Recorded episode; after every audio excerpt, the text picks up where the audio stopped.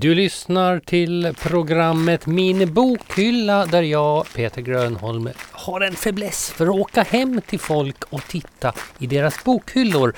Eh, medan de är hemma kanske jag bör tillägga. Idag åker vi hem till tidigare bibliotekarie på Vårdö, Victoria Johansson. Det blir ett samtal om fantasy, eh, vampyrer och så kommer vi att få reda på vad Zacharias Topelius har att säga om Åland. Vi knackar väl på. När du hör det här ljudet är det dags att vända blad. Hur har du sorterat din bokhylla? Mm. Eh, sorterat och sorterat. Alltså jag har helt enkelt... Jag behöver inte ha superordning för jag brukar kalla det för organiserat kaos. Jag eh, ser ordningen fast kanske inte andra ser den direkt. Och det räcker för mig. Eh, för att jag har också barn som ändå rör om allting. Så det jag har sorterat är väl att här har jag ju det som är just mer eh, fantasy, science fiction, eh, skräck, lite så här eh, alternativ litteratur. Som här, den här Chariots of the Gods av Erik von Däniken. Um, han, han är ju uh, en person som har skrivit han var ganska populär förut och gjorde en hel serie på History Channel som handlade om att man kan säga att all teknik vi har idag utvecklades av aliens.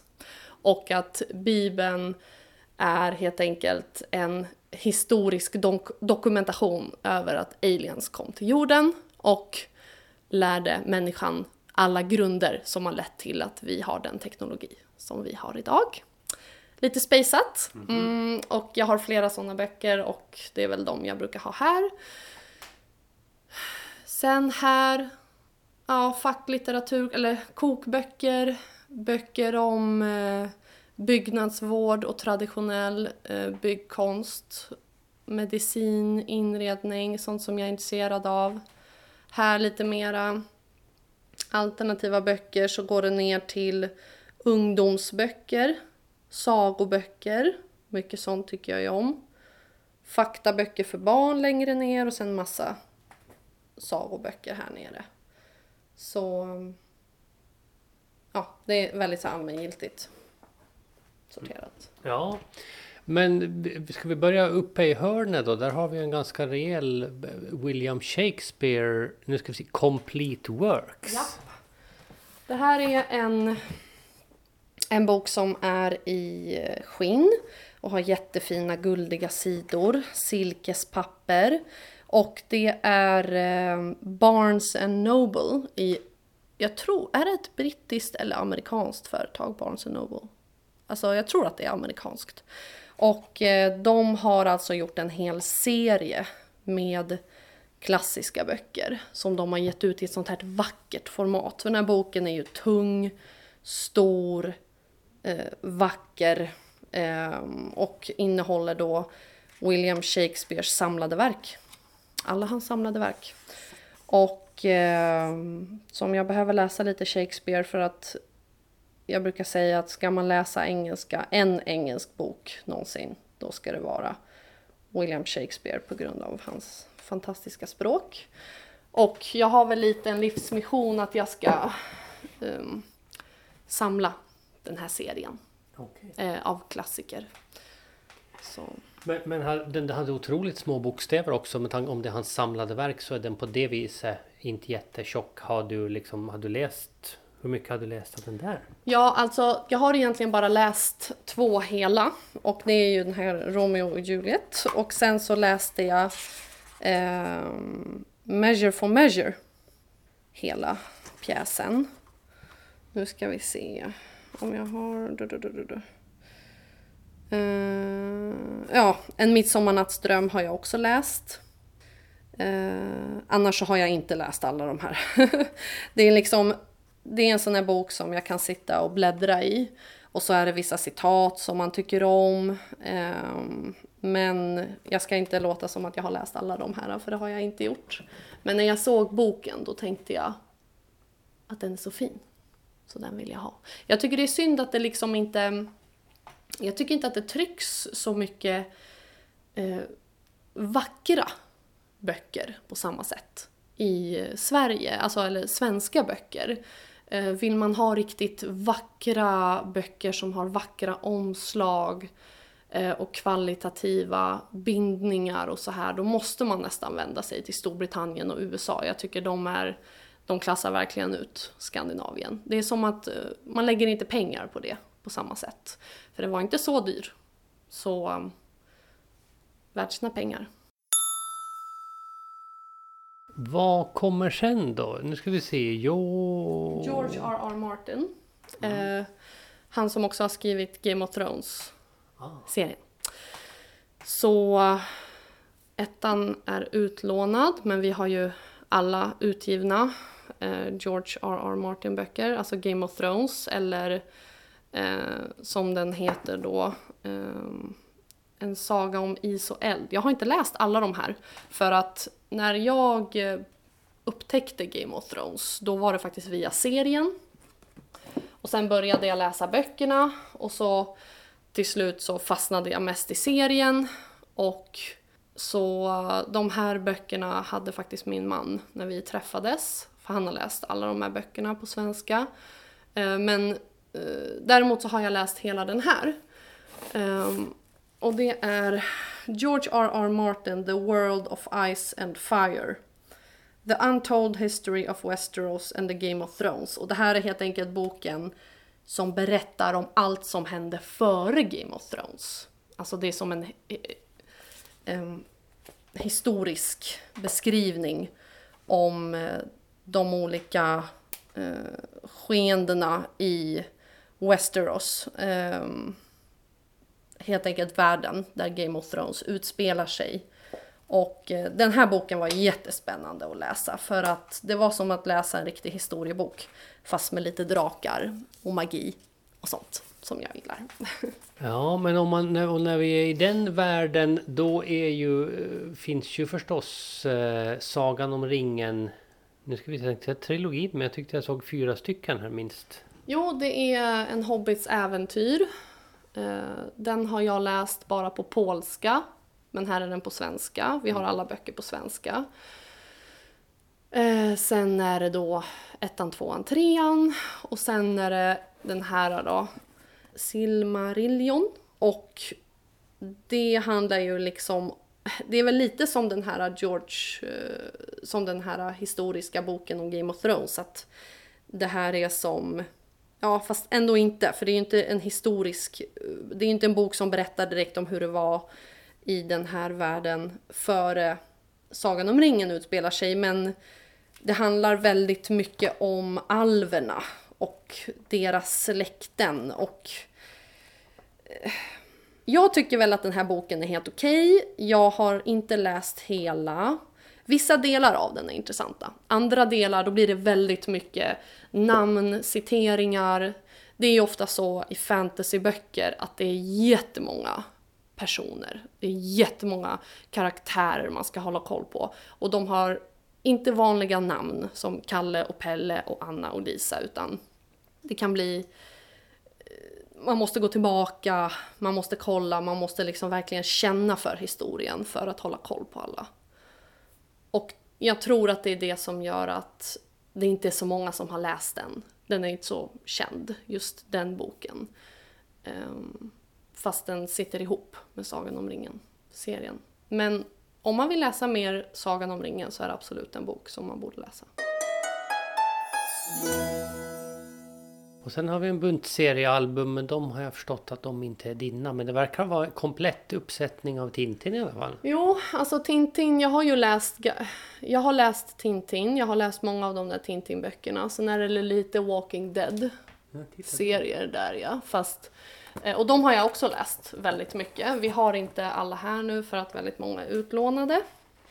Eh, och det är ju många människor som inte vet det, att The Walking Dead-serien som då handlar om en zombieapokalyps och så får man följa en polisman som vaknar efter en olycka så vaknar han på sjukhuset och då har hela världen, eller han är i USA då och det har drabbats av en zombieapokalyps och så ska han då hitta sin fru och han ska hitta sin son. Och sen hittar han dem till slut och så får man då följa dem i deras eh, zombie eh, äventyr höll jag på att säga. Men eh, den är väldigt realistiskt skriven. Den tar verkligen ur det här scenariots förutsättningar upp på ett realistiskt sätt hur olika människor beter sig. Vad händer när en grupp människor hamnar eh, i, såna, eh, i en sån situation? Eh, den tar liksom upp hur familjeförhållanden påverkas. Människor dör. Det är våld. Eh, och det är äkta. Så det är alltså en seriebok som nu är då en väldigt populär tv-serie. Och Tintin, eh, det var en gåva till min man när han fyllde år. Då hittade jag faktiskt på Åland en kille som sålde hel, nästan hela, jag tror att det är typ tre volymer som saknas. Um, men det är roligt att ha de böckerna. Jag läste dem när jag var barn i skolan. Uh, mycket. Vissa av dem. Mm. Men när vi då ändå är på zombiespåret så har du också Max Brooks Zombie, en överlevnadsguide. Mm. Ja, alltså det här med zombies eh, upptäckte jag när jag hade fått mitt första barn. Då började jag titta på The Walking Dead. Och det var dumt av mig för att jag har en väldigt brinnande fantasi och jag blev superparanoid. Jag började tänka vad händer om det sker en zombieapokalyps nu? Hur kommer vi för, är vi förberedda? Vad ska jag göra? Alltså jätteknäpp blev jag. Så, så då tänkte jag, jag måste köpa en överlevnadsguide. om det blir en zombieapokalyps. Och det här är ju då om eh, man ska ha en överlevnadsguide eh, vid en zombieapokalyps, då är det Max Brooks. Och jag har ju den på svenska. Så då heter den Zombie, en överlevnadsguide. Så skyddar du dig mot de levande döda. Eh, var inte vårdslös med det mest värdefulla du har, ditt liv. Detta är boken som kan rädda ditt liv. Låter som en bok man borde ha. Ja. Och, eh, och den är också väldigt seriöst skriven. Det står om allt här. Det står om allt från sån här um, eh, vapenhantering kommunikation, eh, vilka verktyg som är bra att ha när det inte finns elektricitet, eh, vart man ta, ska ta skydd. Eh, även just hur man ska ta hand om sig själv, psykiskt och fysiskt. Och, eh, sen avslutar den ju med en, en, flera kapitel där man tar upp olika fall som då ska ha hänt på riktigt. Som hade kunnat vara zombie. Eh, ur hans perspektiv. Och det vet man inte för att eh, om man tillhör det här zombie-communityt då brukar det ju vara lite en vedertagen regel att, att eh, regeringar mörkar ju. Ja. eh, förstås. Eh, så corona, I don't know. men, men, du är beredd i alla fall? Ja precis, ja, fast, ja, precis. jag är beredd i teorin. Ja, ja. men eh, jag vet inte, jag vet inte om det räcker att läsa den boken för att verkligen överleva. Men, men jag har boken i alla fall. Ja, och då hamnar vi ju på fantasyhyllan och det är som jag förstår din, din favorithylla. Ja, fantasy och science fiction, det är min favorithylla. Och här är det kanske inte så många böcker just nu. Jag har, eh, det brukar vara så här. Jag har ju som sagt, jag är inte en av dem som måste ha alla böcker i ordning. De kan stå. Och sen när det är fullt av stående böcker, då får de ligga på varandra. Så att det spelar ingen roll för mig. Um, för att jag har massa böcker utlånade från andra som också gillar fantasy. Men jag gillar ju vampyrböcker mm. väldigt mycket. Mm. Och nu pratar man ju om såna här saker, de flesta människor gillar inte, alltså jag upplever att de flesta vuxna människor läser inte vampyrböcker. Även om fantasy är en eh, vad ska man säga, det är en jättestor genre för de som läser fantasy. Det är liksom kanske internationellt sett om man tittar på hur många som läser deckare versus hur många som läser fantasy. Då kanske det är många fler människor som köper deckare, som läser deckare. Men människor som läser fantasy, de älskar fantasy. Alltså det är... Man måste liksom förstå grejen med fantasy att varför jag läser fantasy, det är för att jag tycker att även om, det tilltalar ju min egen fantasi. Jag är en person som tycker väldigt mycket om att fantisera om det som inte går i verkligheten. Det går inte att flyga, det går inte att rida på drakar, det går inte att liksom sticka iväg ut på en äventyrsresa på liv och död och rädda planeten. Det går inte att göra sådana saker men i fantasy då går det. Och sen så tycker jag faktiskt om att fantasyböcker eh, om de är bra handlar väldigt ofta om djupa grejer. Fast man kanske inte tror det om man själv inte är intresserad av genren. Det, det handlar liksom om filosofiska och etiska teman. Det handlar om att vara en, eh, vad ska man säga, bra och dålig människa.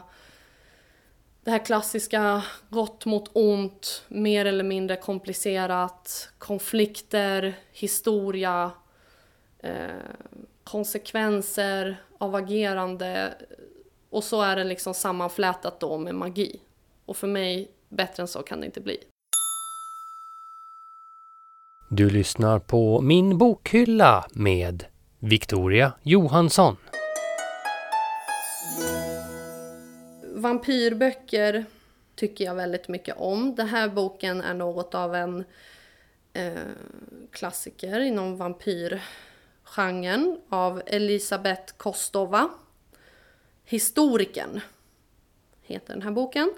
Och det handlar helt enkelt om en flicka eh, som har en pappa som är... Eh, jag minns inte exakt vad han är för vad han har för jobb, men han är forskare av något slag. Och så reser han runt i Europa och hon upptäcker en eh, bok som handlar om två människor som har gjort en liknande resa i Europa där de liksom gräver ner sig i att forska om vampyrer.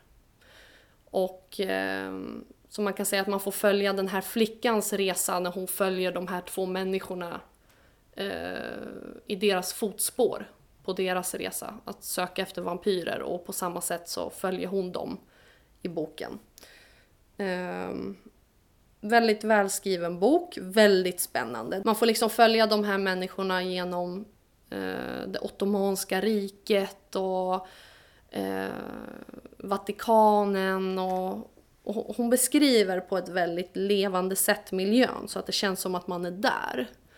Och tycker jag ger en slags kulturell inblick i eh, de miljöerna. Så jag tycker att den är väldigt spännande den här boken. Ja, Harry Potter stöter vi ju förstås på ganska ofta i den här mm. serien och, och, gillar man fantasy så tänker jag att då är väl det en, en självklarhet i bokhyllan förstås. Det är det. Alltså Harry Potter...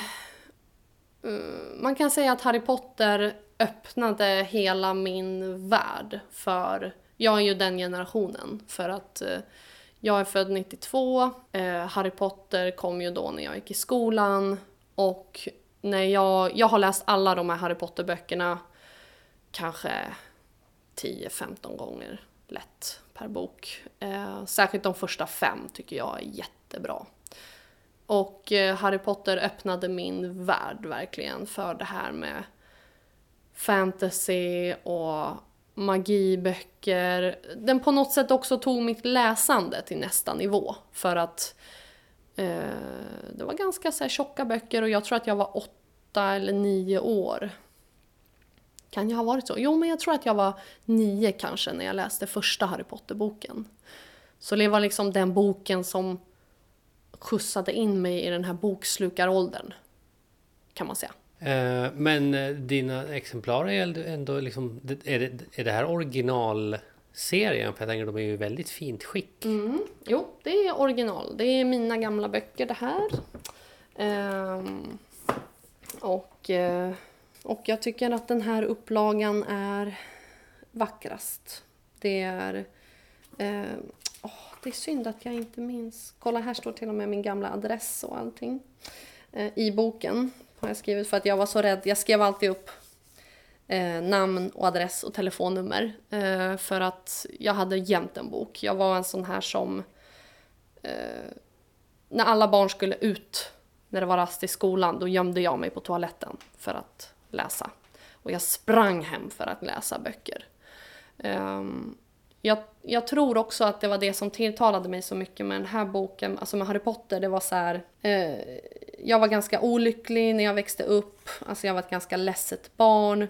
Den här boken handlar ju om en pojke som är ganska olycklig eh, och han liksom blir hämtad och satt i magiskola. Alltså när man är ett barn som jag var, som var lite ledsen, eller ganska ledsen, jag flydde på något sätt med böckerna eh, till andra världar, till andra... Ja, till, liksom det var som att jag flydde från min egen verklighet genom att läsa de här böckerna. Och eh, då också när man är sån här som har jättemycket fantasi, då så här, magiskola, alltså kan det bli bättre? Det kan det inte kan jag säga.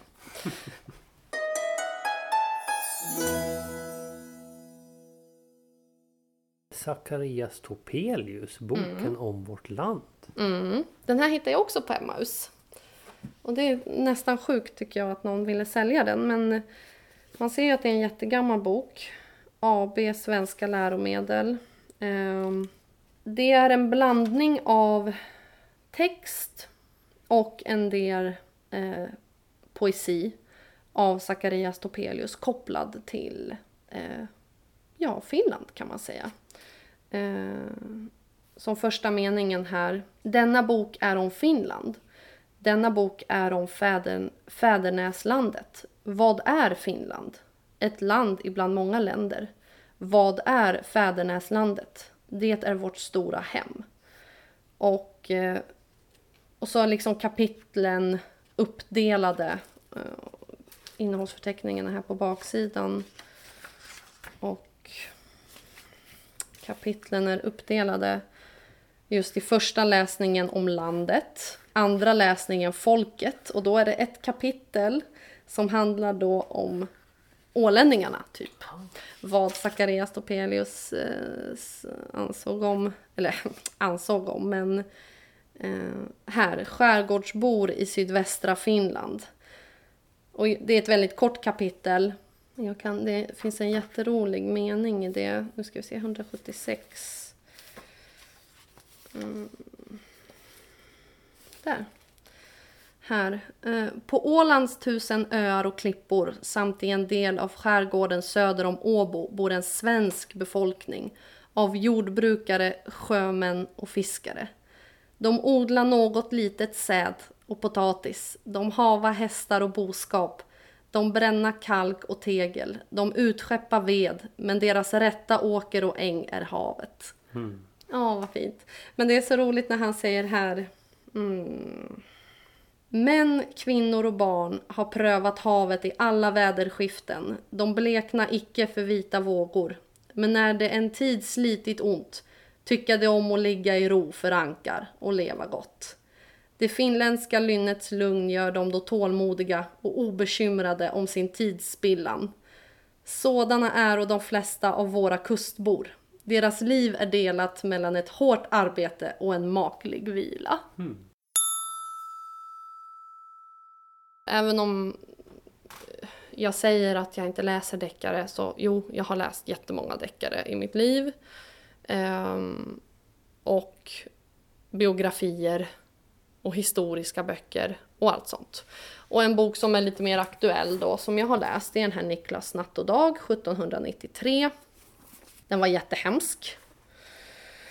Den var spännande. Men språket, oh, förlåt, alltså jag, nu låter jag som värsta, och med min stockholmska dialekt låter jag jättedryg. Men, men alltså språket är ju det är inget märkvärdigt om jag ska säga så. Men det är grymt och det är ganska spännande. Så jag kan ju förstå att den är så kommersiellt framgångsrik. Jag har ju inte läst tvåan än. Och jag kommer nog inte göra det. Än. Och sen den här deckaren då. Eh, den här är jättebra, eller thriller. Eh, Vargarnas rike. Av eh, Jean-Christophe Granger. Och man kan säga att det handlar om en kvinna som vaknar och helt plötsligt börjar ha hallucinationer. Och eh, parallellt så är det en historia om en eh, polisman som utreder ganska brutala kvinnomord eh, i Paris, i Paris turkiska kvarter. Eh, det, är en, kvin, eh, det är alltså kvinnor som blir mördade och sen liksom, eh, deras kroppar blir stympade och så på hemska sätt. Och, och så får man följa deras parallella historier för att se sen hur de flätas samman. Och det är en väldigt energisk och eh, spännande bok. Välskriven också. Annars har jag en bok här som är väldigt aktuell. Eh, av han eh, Vibeke Holst som Pesten. Handlar om en kvinna som jobbar, hon börjar jobba på WHO, World, He- World Health Organization, och så utbryter en pandemi. Mm-mm. Och den här boken är det många som tycker om. Det är en jättetjock bok. Ah, som nästan sitter fast. Jättetjock, jättestor bok, men en väldigt populär bok. Jag upplever att det är många som läser den som tycker att den är väldigt bra. Och det som är roligt med den är att den börjar med att beskriva i en väldigt enkel, ett väldigt enkelt scenario hur en typ bondkvinna i Ukraina matar sina grisar. Och uppmärksammar att en av grisarna är sjuk och nyser. Och det kan man säga då är patient noll. Liksom hur det bara dyker upp, hur det bara förflyttar sig. Så från den här sjuka grisen hos en bondkvinna i Ukraina som bor typ utan elektricitet så blir hon sjuk. Och sen så sprids det vidare. Den här boken tar väl liksom på något sätt upp också alla de här komplexa sakerna som vi verkligen står inför idag. Liksom, vad är sant? Vad är falskt? Medierapportering. Vad ska man tro? Vad ska man inte tro? Eh, vilken agenda eh, stämmer? Eh, ska man lita alltid på WHO eller ska man inte det? Eller eh, finns det andra aktörer i samhället som gynnas eller missgynnas av desinformation? Och, alltså, så det är som en thriller. Och lite så här konspiratorisk, men inte jättemycket. Jag skulle säga att det är mycket mer thriller. Men eh, väldigt aktuellt tema. Ninna, ninna, ninna, ninna, ninna, ninna. Boktips nummer ett. Då är det boken eh, Redwall av Brian Jacques. Och det är alltså en hel eh, fantasyserie fantasy-serie eh, för barn egentligen. Men den är ganska rå. Så funkar även för ungdomar och barn. Eh, den boken som jag har, det är nummer fyra av 22 böcker som han har skrivit. Och den heter Mariel Klockmakarens dotter. Och den här boken är en av många som jag har läst i den här serien, Redwall. Ehm, och eh, det är då talande djur. Det handlar helt enkelt om diverse fredliga djur som grävlingar och möss och ekorrar eh, och vesslor och dylikt som bor på ett kloster, ett fredligt kloster i skogen. Och så utsätts de då för olika faror. Första boken handlar om en ond piratråtta som med sitt band härjar i skogen och dödar allt i sin väg. Och så kommer det då en hjälte, eh, musen eh, Martin Krigaren, som då beskyddar det här klostret. Och det är en hel serie böcker eh, som inte är i kronologisk ordning utan vissa böcker handlar om vad som hände före Redwall och före Martin krigaren. Vissa böcker handlar om sånt som har hänt efter. Um, och jag rekommenderar verkligen den här bokserien för alla barn och vuxna för den delen eh, som kan eh, smälta att djur kan prata. Boktips nummer två. Det är jag som då har pratat om vampyrböcker. Om man är en vuxen som kan smälta vampyrer så rekommenderar jag verkligen Anne Rice eh, bok eh, Nattens furste på svenska. Eller Lestat som den heter på engelska.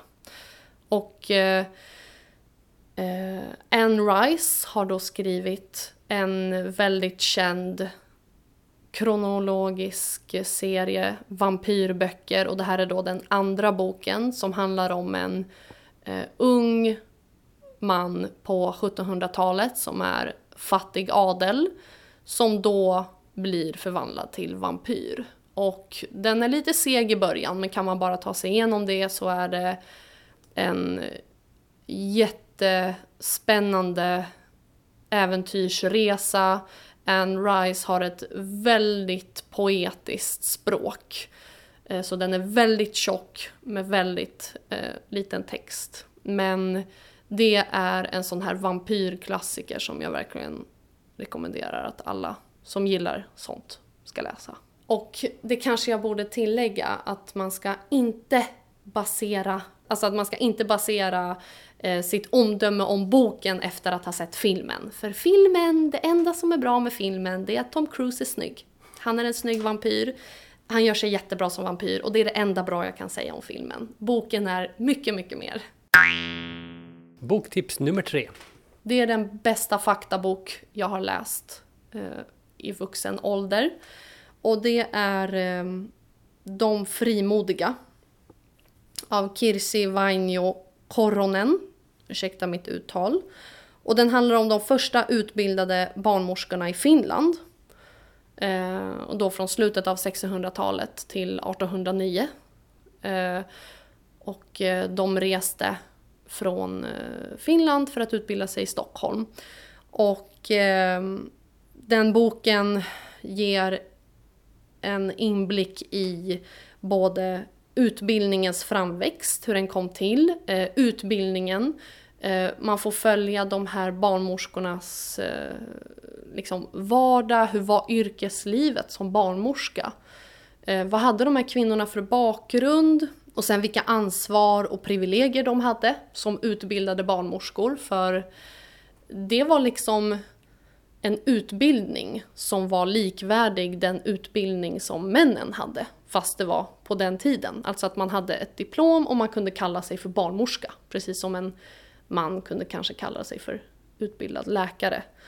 Och dessutom så får man en fantastisk inblick i just eh, sex, menstruation, förlossning, tiden efter förlossning, kvinnokroppen, som vilken, eh, eh, vad man hade för syn på de ämnena på den tiden. Och, och jag kan säga att det är inte vad du tror. Alltså man blir hela tiden så här, aha, oj, nej men det här visste jag inte. Man blir hela tiden överraskad.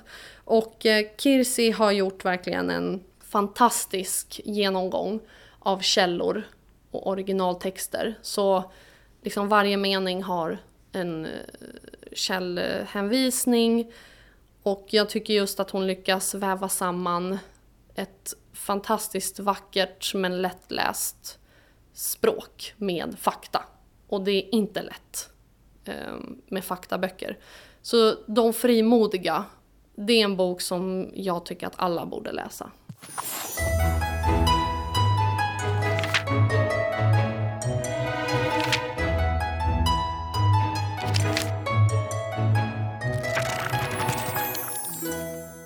Du har lyssnat till Min bokhylla med mig, Peter Grönholm och dagens gäst, Victoria Johansson. Alla avsnitt finns att lyssna på på vår hemsida www.alandsradio.ax om du klickar dig fram till podcasts.